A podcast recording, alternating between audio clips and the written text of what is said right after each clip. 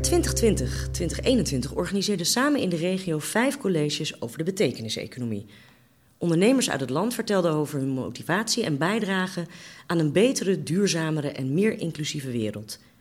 Niet langer is winst maken het hoofddoel voor bedrijven en organisaties, maar welzijn en welbevinden. Zowel van werknemers als de omgeving waarin ze werkzaam zijn en ver daarbuiten. In deze podcastserie vertellen partners van Samen in de regio hoe zij van betekenis zijn als mens en als organisatie. Waarom willen ze dat en hoe doen ze dat? We zetten elke keer een andere organisatie in de spotlights. Mijn naam is Marlies van Lier en leuk dat je luistert naar de podcast van Samen in de regio over betekenisvol ondernemen. Nou, met in deze aflevering Jorg Hogerheide. Hij is werkzaam als junior consultant bij Donbureau. En voor alle luisteraars, Donbureau is een advies- en ingenieursbureau dat zich inzet voor eigenaren van infrastructuur en openbare ruimte. Nou, een mond vol, Jorg. Welkom. Ja, dankjewel. Ja. Leuk dat ik hier mag zijn. Uh, ja, natuurlijk. Uh, jij hebt een hoop te vertellen en dat is hartstikke leuk. Allereerst, um, een ingenieursbureau dat zich inzet voor eigenaren van infrastructuur en openbare ruimte. Waar moet ik dan aan denken? Nou, als we het hebben over infrastructuur, dan moet je met name denken aan uh, de rijkswegen, tunnels, bruggen, sluizen, noem maar op. Eigenlijk alles, zoals ik het vaak zeg, wat ons land draaiende houdt. Hetzelfde geldt voor de openbare ruimte. Eigenlijk is dat alles de, de ruimte tussen de private eigendommen in. Wat ja, dus tussen je eigen huis en je tuin. Ja, zo kan je het zien. En vaak wordt het niet zo ervaren als uh, de openbare ruimte.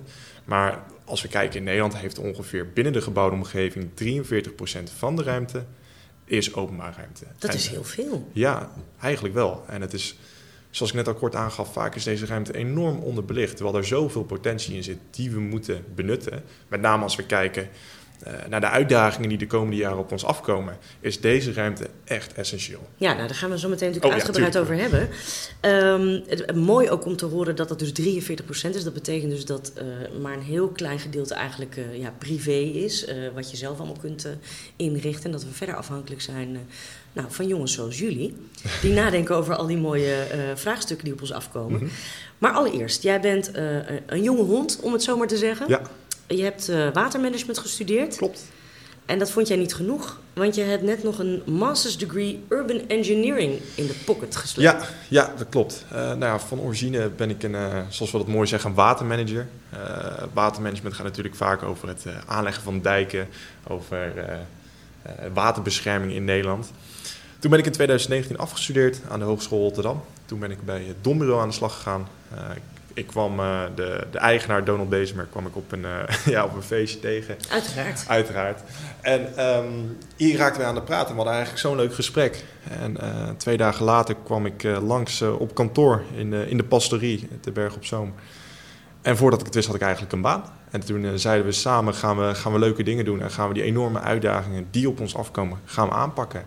En daar heb ik alle ruimte voor gekregen. En ehm, in de nou ja, 2019 um, begon ook corona. Dat had een heleboel beperkingen, maar het bood eigenlijk ook mogelijkheden. Namelijk, alles was online, dus dacht ik, weet je wat, ik ga nog eens een master, uh, Zeker. masteropleiding beginnen. Uh, aan de TU Delft en Wageningen Universiteit, een tweejarige masterprogramma. En het gaat eigenlijk over hoe kunnen we de uitdagingen die de komende jaren in de stad op ons afkomen. Denk aan uh, circulaire economie, klimaatadaptatie, ehm, die bedoeld is om de klimaatverandering aan te pakken. Energietransitie, mobiliteit, nou een hele rits aan uitdagingen. Hoe kunnen we die nou integraal in de stad met behulp van bijvoorbeeld data aanpakken? Nou, daar uh, ben ik de afgelopen twee jaar lekker mee bezig geweest, uh, wezen stoeien. En uh, toevallig veer, afgelopen 14 juli ben ik afgestudeerd. Dus ik ben student af. nou gaat het echte leven weer beginnen. Ja, nou bij deze dus gefeliciteerd. Dankjewel. Dat, dat klinkt heel goed. Alleen, ja, je had het net al even over die zaken die op ons afkomen. je noemde mobiliteit, energietransitie, ja. circulaire economie. alles heeft te maken met het stukje duurzaamheid... waar we natuurlijk als Nederland nou ja, mee aan de slag moeten of al mee de, aan de slag zijn. De hele wereld de eigenlijk. Hele wereld inderdaad. Ja. Uh, misschien heeft corona ook nog wel duidelijk gemaakt dat het nog urgenter is dan ooit. Um, maar kun jij een heel concreet voorbeeld noemen hoe jij dan uh, als afgestudeerde urban engineer daarmee aan de slag gaat? Want er komt iemand met een vraag bij jou. Ja. En wat zou die vraag zijn en hoe ga je dan door middel van data dat uitwerken? Oké, okay, um, Zonder dat de luisteraar denkt, waar heeft die jongen het over? nou, ik denk dat het goed is om te beginnen. Je hebt natuurlijk uh, het Klimaatverdrag van Parijs bijvoorbeeld. Dat is vastgesteld in 2015. En vanuit, vanuit dat verdrag, eigenlijk een heel belangrijk verdrag, zijn een aantal mondiale maar ook nationale doelstellingen gesteld. Van Nederland moet in 2050 klimaatadaptief zijn om eigenlijk alle uitdagingen met betrekking tot overstromingen, hitte, droogte uh, te kunnen tackelen. En tegelijkertijd, dat is dus de adaptatiekant, zoals het heet, klimaatadaptatie, heb je ook klimaatmitigatie. En daar, dat speelt eigenlijk op in hoe kunnen we de menselijke bijdrage aan deze klimaatverandering beperken. Daarvoor hebben we de energietransitie, circulaire economie. En bijvoorbeeld ook mobiliteit, wat met name ingaat op het uh, ja, verduurzamen van de mobiliteitsstromen en ook een stukje biodiversiteit. Nou, dat zijn eigenlijk de belangrijkste pijlers uh, ja, zoals wij ze benaderen binnen de gebouwde omgeving, dus de openbare ruimte en eigenlijk ook binnen infrastructuur. En voor deze transities, zoals ze worden geframed, omdat ze de, de overgang laten zien van een niet duurzaam systeem naar een duurzaam systeem, mhm. zijn allemaal doelstellingen gesteld. Dit zijn vaak abstracte strategische doelstellingen. Zoals ik net al kort even uh, aangaf, in 2050 moeten we klimaatadaptief zijn. Ja. Ondertussen hoort de luisteraar waarschijnlijk uh, handjes op de tafel, want uh, Jorg die, die laat nu aan mij zien hoe ze dat doen. Ja. Dat is helemaal niet erg, want je bent ontzettend enthousiast. Um, maar even concreet, er zijn dus een heleboel verschillende vraagstukken. Juist. Jij kunt niet zomaar zeggen, nou, de infrastructuur hier bijvoorbeeld in Berg op Zoom vraagt om een nieuwe aanpak. We gooien er wat stenen uit en we doen er wat stenen voor terug. Nou, hoe je het zou kunnen zien is, om even een stukje verder te gaan in het verhaal. Er zijn allemaal strategische doelstellingen. En eigenlijk moeten gemeenten, provincies, maar bijvoorbeeld ook Rijkswaterstaat, moeten daar een invulling aan gaan geven. En om dat mogelijk te maken aan al die verschillende doelstellingen die we hebben, dat is heel lastig. Want deze doelstellingen zijn abstract. En mijn rol, mijn taak, is om eigenlijk om die abstracte doelstellingen praktisch toepasbaar te maken in uh, ja, fysieke projecten vaak. Dus dat kan zijn, we, hebben, nou, we kijken nu voor luisteraar, we kijken uit op een straat. Er staan bomen in, eigenlijk hoe je een typische straat zou, uh, zou, ja, zou aangeven. Uh, hoe zou je daar nou het containerbegrip duurzaamheid en alle aanverwante doelstellingen in kunnen verwerken? Dat is mijn taak. Ja. En dat doe ik door eigenlijk het adviseren in de verkenningsfase van projecten.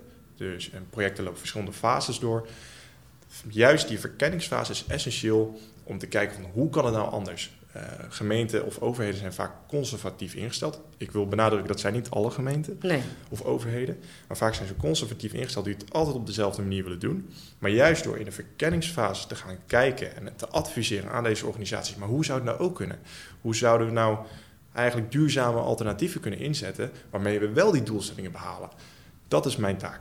En het gaat niet alleen op het behalen van doelstellingen, maar gaat ook in hoe kunnen we nou een aangenamere leefomgeving creëren. Ja, maar hij moet ook praktisch zijn, toch? Hij moet ook praktisch zijn, zeker. zeker. Dus er zijn een heleboel zaken die daar weer bij komen kijken. Uh, nou, we focussen ook op infrastructuur, maar nu heb ik het specifiek over de openbare ruimte. Adviseren dus dan bijvoorbeeld echt een overheidsinstantie. Er gaat bijvoorbeeld een riolering vervangen worden in de straat. De hele straat gaat open hoe kunnen we die straat nou tegelijkertijd duurzaam maken? Ja. Nou, dat adviseren we. Dus verder kijken dan je neus lang is. Hè? Daar waar we misschien vroeger, uh, correct me if I'm wrong, hè? gewoon keken naar, oké, we hebben een probleem, riolering uh, functioneert niet meer, dus we vervangen dat. Precies. Kijken we dus nu een stap verder, hoe we tegelijkertijd aan die doelstellingen kunnen werken die we moeten halen. Ja, ja. dus dat zou uh, praktisch gezien kunnen betekenen, nou ja, je hebt, de, de riolering heeft een bepaalde diameter om al het hemelwater, regenwater en uh, vuilwater wat uit huis komt af te kunnen voeren. Nou, stel, dat, dat is een, en riolering is een hele prijzige, prijzige uh, stuk infrastructuur. Mhm. Stel nou, je kan een gedeelte van het regenwater bijvoorbeeld laten infiltreren in de bodem of opvangen op huizen, dan hoeft die riolering een stuk minder groot te zijn. En dat scheelt echt enorm veel geld. Ja, niet alleen geld, maar ik kan me ook voorstellen dat dat vraagstuk hittestress daarmee ook uh, meteen wordt opgelost. Kijk, en vaak draait het nu nog om geld. Het draait altijd om geld. Ja. Maar we zien door het anders aan te pakken dat we ook tegelijkertijd aan die duurzamere doelstellingen kunnen bijdragen. Door bijvoorbeeld het zorgen, indien we water gaan uh, infiltreren in de bodem, een groenere leefomgeving creëren, dat tegelijkertijd een, ja, een verkoelende de luchttemperatuur en de gevoelstemperatuur neemt af in een Ja, maar waarom vind jij dat nou zo belangrijk? Want ik kan me voorstellen, um, je, je doet eerst dus die studie watermanagement. vervolgens urban engineering. Maar je had ook een andere studie kunnen kiezen. Waarmee je Ja. eh, wellicht niet met deze vraagstukken aan de slag hoeft te gaan. Wat, wat, wat trekt jou daarin? Ehm, Waarom juist dit? Nou ik denk dat het lang geleden al begon. Eh, ik kan me nog altijd eh, goed herinneren toen ik eh, nou, een paar jaar oud was. Toen sliep ik bij mijn opa en oma in, in Halsteren, weet ik. En vanuit... Nou, ik werd midden in de nacht wakker en toen zag ik eigenlijk dat na hevige regenbuien er zelfs water in mijn kamer stond. Dus de slaapkamer was gedeeltelijk geïnundeerd, zoals dat mooi heet Ja, in de vaktermen. Maar dat maakte denk ik als, als, als klein jochie dat ik was zoveel impact op mij. Dat ik denk van ja, dat dat in mijn onbewustzijn altijd heeft meegespeeld in het aanpakken van uitdagingen. En met name die natuur, dus de eh, uitdagingen die worden veroorzaakt door de natuur, dat ik die heel erg interessant vind. Van hoe kan het nou dat er in één keer een overstroming plaatsvindt? Hoe kan het nou dat er in één keer zo'n droge periode plaatsvindt? Kunnen we daar niks tegen doen? Kunnen we ons, kunnen we ons daar zelf niet tegen wapenen? Nou, zodoende ben ik eigenlijk watermanagement gaan studeren. En eigenlijk tijdens watermanagement kwam, kwam ik erachter, naast de eh, eh, watergerelateerde uitdagingen zijn er nog vele malen grotere wellicht. Nou, of niet, niet zozeer grotere, maar gelijksoortige uitdagingen die in de stedelijke omgeving aangepakt Ja, maar gaan worden. de- het punt is dus, jij houdt van uitdagingen. Ja, joh, dat geeft me energie. Ja, jij kiest dus niet de makkelijke weg. Nee, nee, maar ja, je moet ook een uitdaging hebben. Je moet, dat, dat brengt juist energie, vind ik. Als ik iedere dag hetzelfde zou moeten doen, dat zou ik niet leuk vinden. Dat zou ik, eh, tot hoe, welke leeftijd moet ik ondertussen al werken? Zal de komende jaar nog wel een paar jaar voor Ja, jij mag nog even. Ik mag nog even, ja. Nou, dan moet je echt iets doen wat je leuk vindt. En wat is er dan mooier om eh, ja, eigenlijk bij te dragen aan een duurzamere wereld? En dat is natuurlijk heel eh, ja, de stip op de horizon. Maar iedere kleine stap is helpen. En ik denk, denk dat we dat moeten inzien. Ieder project dat wij in Nederland verduurzamen, kunnen verduurzamen, zal weer bijdragen aan een duurzamere samenleving. Nee, ik heb nooit nagedacht over het feit dat zo'n ingenieursbureau waar jij dan voor werkt, of überhaupt mensen die daar met die infrastructuur eh, bezig zijn en die openbare ruimtes, dat die zo'n grote stempel zouden kunnen drukken op dat stukje verduurzaming. Eh, Ik denk dat als we daar ons allemaal bewust van zijn, Mhm. eh, dat je dus, zoals je net aangaf, hele kleine stapjes, door hele kleine stapjes te zetten al een stuk verder komt, dat dat natuurlijk al een, een win-situatie is. Ja, Want iedereen denkt dat hij altijd grote stappen moet zetten. Nee, ja, dat, zo zou je het kunnen zien. Natuurlijk, eh, met grote stappen maak je veel impact. Maar we zien met name, althans, dat is mijn mening, hè, wil ik even benadrukken. Ik denk dat voor duurzaamheid juist die kleine stappen van belang zijn. Om, vaak heb je het dan over bijvoorbeeld pilotprojecten, om eens te laten zien hoe kan het nou anders. Is dat ook die bewustwording creëren? Enorm. En juist vanuit die pilotprojecten, om te laten zien waar het anders kan, kunnen we gaan leren. Kunnen we kijken, kunnen we aan de rest laten zien, om het zo maar te zeggen. Want vaak draait het toch wederom weer om geld. Ja. Om, er moet gewoon geld beschikbaar zijn. Zo kan het ook.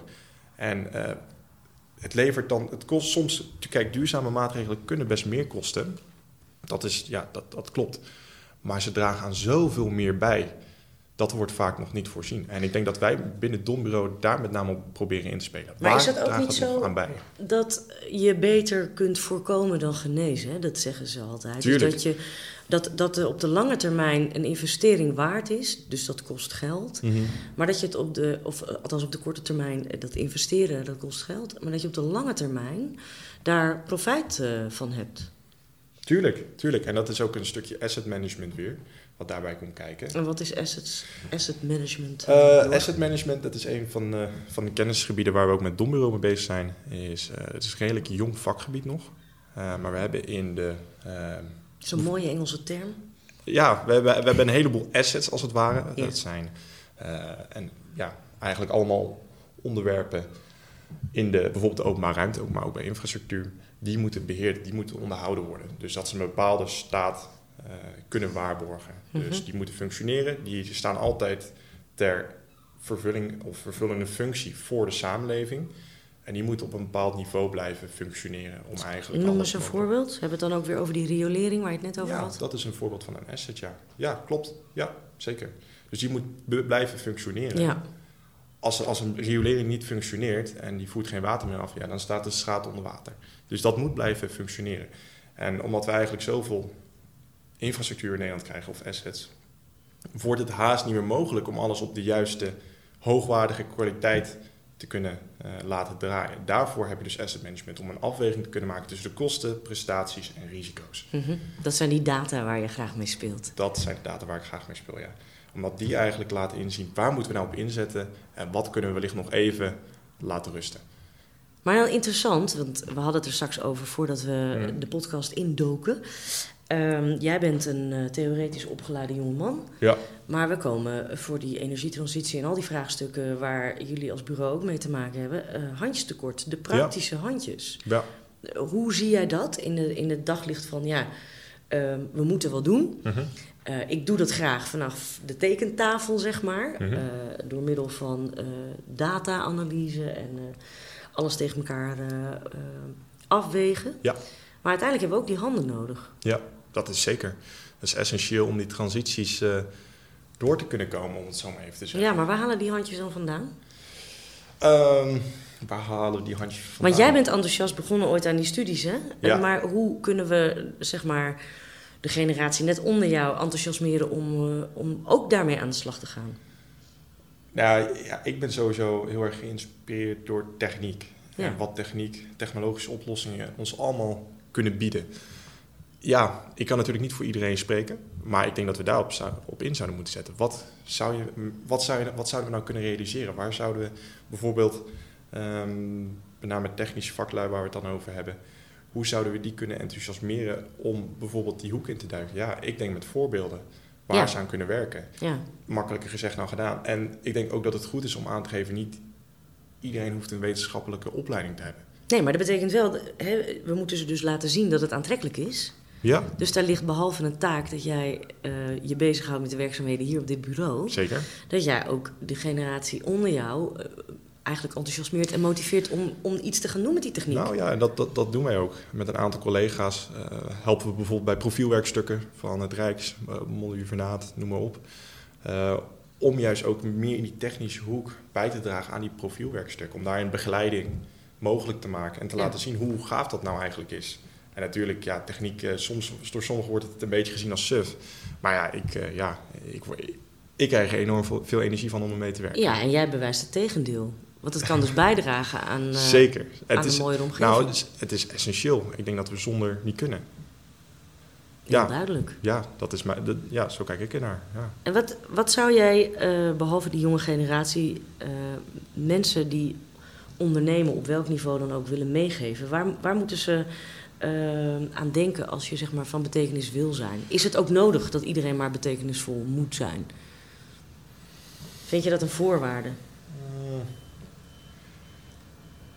Ja, ik redeneer dat altijd vanuit mijn eigen bewustzijn. Dus bij wijze van, ik kan het bijna niet over mijn hart krijgen om uh, een keuze te maken die voor andere mensen nadelig zou zijn. Mm -hmm. Omdat dat, dat, ja, misschien is dat ook mijn, mijn opvoeding geweest, dat weet ik niet. Maar om een keuze te maken die alleen voor mij meerwaarde biedt. Maar ik probeer altijd te kijken hoe kan ik eigenlijk ervoor zorgen dat andere mensen uh, ook profijt daarvan hebben. En ik denk als ondernemer zijnde dat je juist de tools in handen hebt om daar bij te dragen. Je kan natuurlijk, um, zoals dat mooi heet, winstmaximalisatie. Maar tegelijkertijd kan je ook na die duurzame doelstellingen nastreven. En dat vraagt erom om niet alleen maar naar de korte termijn winst te kijken, maar juist naar wat levert het op op lange termijn. Dat is ook winst, alleen dan niet in geld Precies. uitgedrukt. En dat, ik denk dat dat heel erg belangrijk is om niet alleen naar geld te kijken, maar juist wat draagt, waar kan ik nou nog meer aan bijdragen? En dat is niet zo 1, 2, 3 altijd meetbaar. Waar we het al kort even over hadden, stel uh, we leggen een, een groenstrook aan. En als ondernemer kan je bijvoorbeeld je, je bedrijf, bedrijvenpand verduurzamen, vergroenen. Dat heeft enorm veel impact. Kijk, leg je bijvoorbeeld groen aan, dan dat vangt fijne stof af. Dat uh, zorgt voor een verlagende uh, gevoelstemperatuur. Met name in de, in de bloedhete zomers. Volgens mij was het af, afgelopen dinsdag of vorige week dinsdag dat het zo bizar heet Ja. was. Nou, dat gaan we steeds vaker meemaken. En ik denk door juist die kleine, wederom kleine toepassingen in iedere straat mogelijk te maken. En als ondernemer kan je daar enorm goed aan bijdragen. Dan kunnen we eigenlijk samen ervoor zorgen dat die, dat die samenleving steeds duurzamer wordt. Ja, dat is dus ook weer de samenwerking opzoeken met andere partijen. Samenwerking is essentieel. Ja, Zonder gaat het niet lukken. Met name omdat we zulke brede opgaves hebben. En wij kunnen als, nou ja, wij, wij merken dat ook als bureau zijn. Kijk, ik ben, uh, zoals je aangaf, een jong hond. Ik kom vaak uh, in, dan in zalen waar, waar, waar de gemiddelde leeftijd toch een stukje ouder is. ja. Um, Die het ook allemaal al een keer hebben geprobeerd waarschijnlijk. Ja, ja, en met name het verbinden daartussen is enorm belangrijk. En ik denk dat daar ook onze rol bij Dombureau enorm van belang is. En dat we daar ook wel goed in zijn om dat mogelijk te maken. En om toch met die innovatieve en soms tikkeltje eigenwijze aanpak uh, die hele transitie in gang te zetten. En de boel op te zwepen. En gewoon aan de slag te gaan en het, en het te gaan doen. Ja, ja. gewoon doen dus. Ja, ja, ja. Dat is het devies. Dat is het. Hey, en wat is voor jou, wat zou het ultieme zijn nog? Wat jij uh, op jouw vakgebied zou willen bereiken? Persoonlijk? Ja, persoonlijk. En dan echt in het licht van dat betekenisvol uh, je werk kunnen doen. Waar, waar zou jij blij worden als je straks klaar bent met werken en terugkijkt op die Um, periode? Als we die diverse ambities die we hebben gesteld voor 2030 en 2050 behaald hebben. Ja. Ja, en als ik daar een bijdrage of een significante bijdrage in zou kunnen leveren, dat is mijn doel. Ja. Dus dat ik terug kan kijken en dat ik kan zeggen tegen, nou daar ben ik wellicht nu nog een beetje jong voor, 24, na- naar mijn kinderen, kleinkinderen. Ja, ik heb hier aan bijgedragen dat we toch die duurzame samenleving hebben kunnen realiseren. Dat is wat mijn missie is en daar ga, ga ik voor strijden. Prachtig. Mooi om ook mee eh, af te sluiten. ja, Ja. ja. Mochten er nou mensen zijn die met jou eh, in contact willen komen, dan eh, is het natuurlijk wel interessant om te weten hoe ze dat precies doen. Ehm, kan dat gewoon via eh Dombureau contact opnemen met jou, Jorg? Zeker. Eh, ik zou zeggen, ga naar de Dombureau website of eh, via, naar mijn LinkedIn pagina. Maar op Dombureau website staat mijn, mijn mailadres en eventueel ook mijn telefoonnummer. Ja, En ik ga, ga graag in gesprek, want we moeten het samen doen. Dus dat lukt niet vanaf, vanaf een bureautje. nee, dat is echt de verbinding zoeken, hè? Precies, precies. Mooi. Mag ik jou heel hartelijk danken voor jouw eh, bijdrage aan eh, deze podcast over betekenisvol ondernemen. Ik hoop dat jij een heleboel mensen hebt geïnspireerd.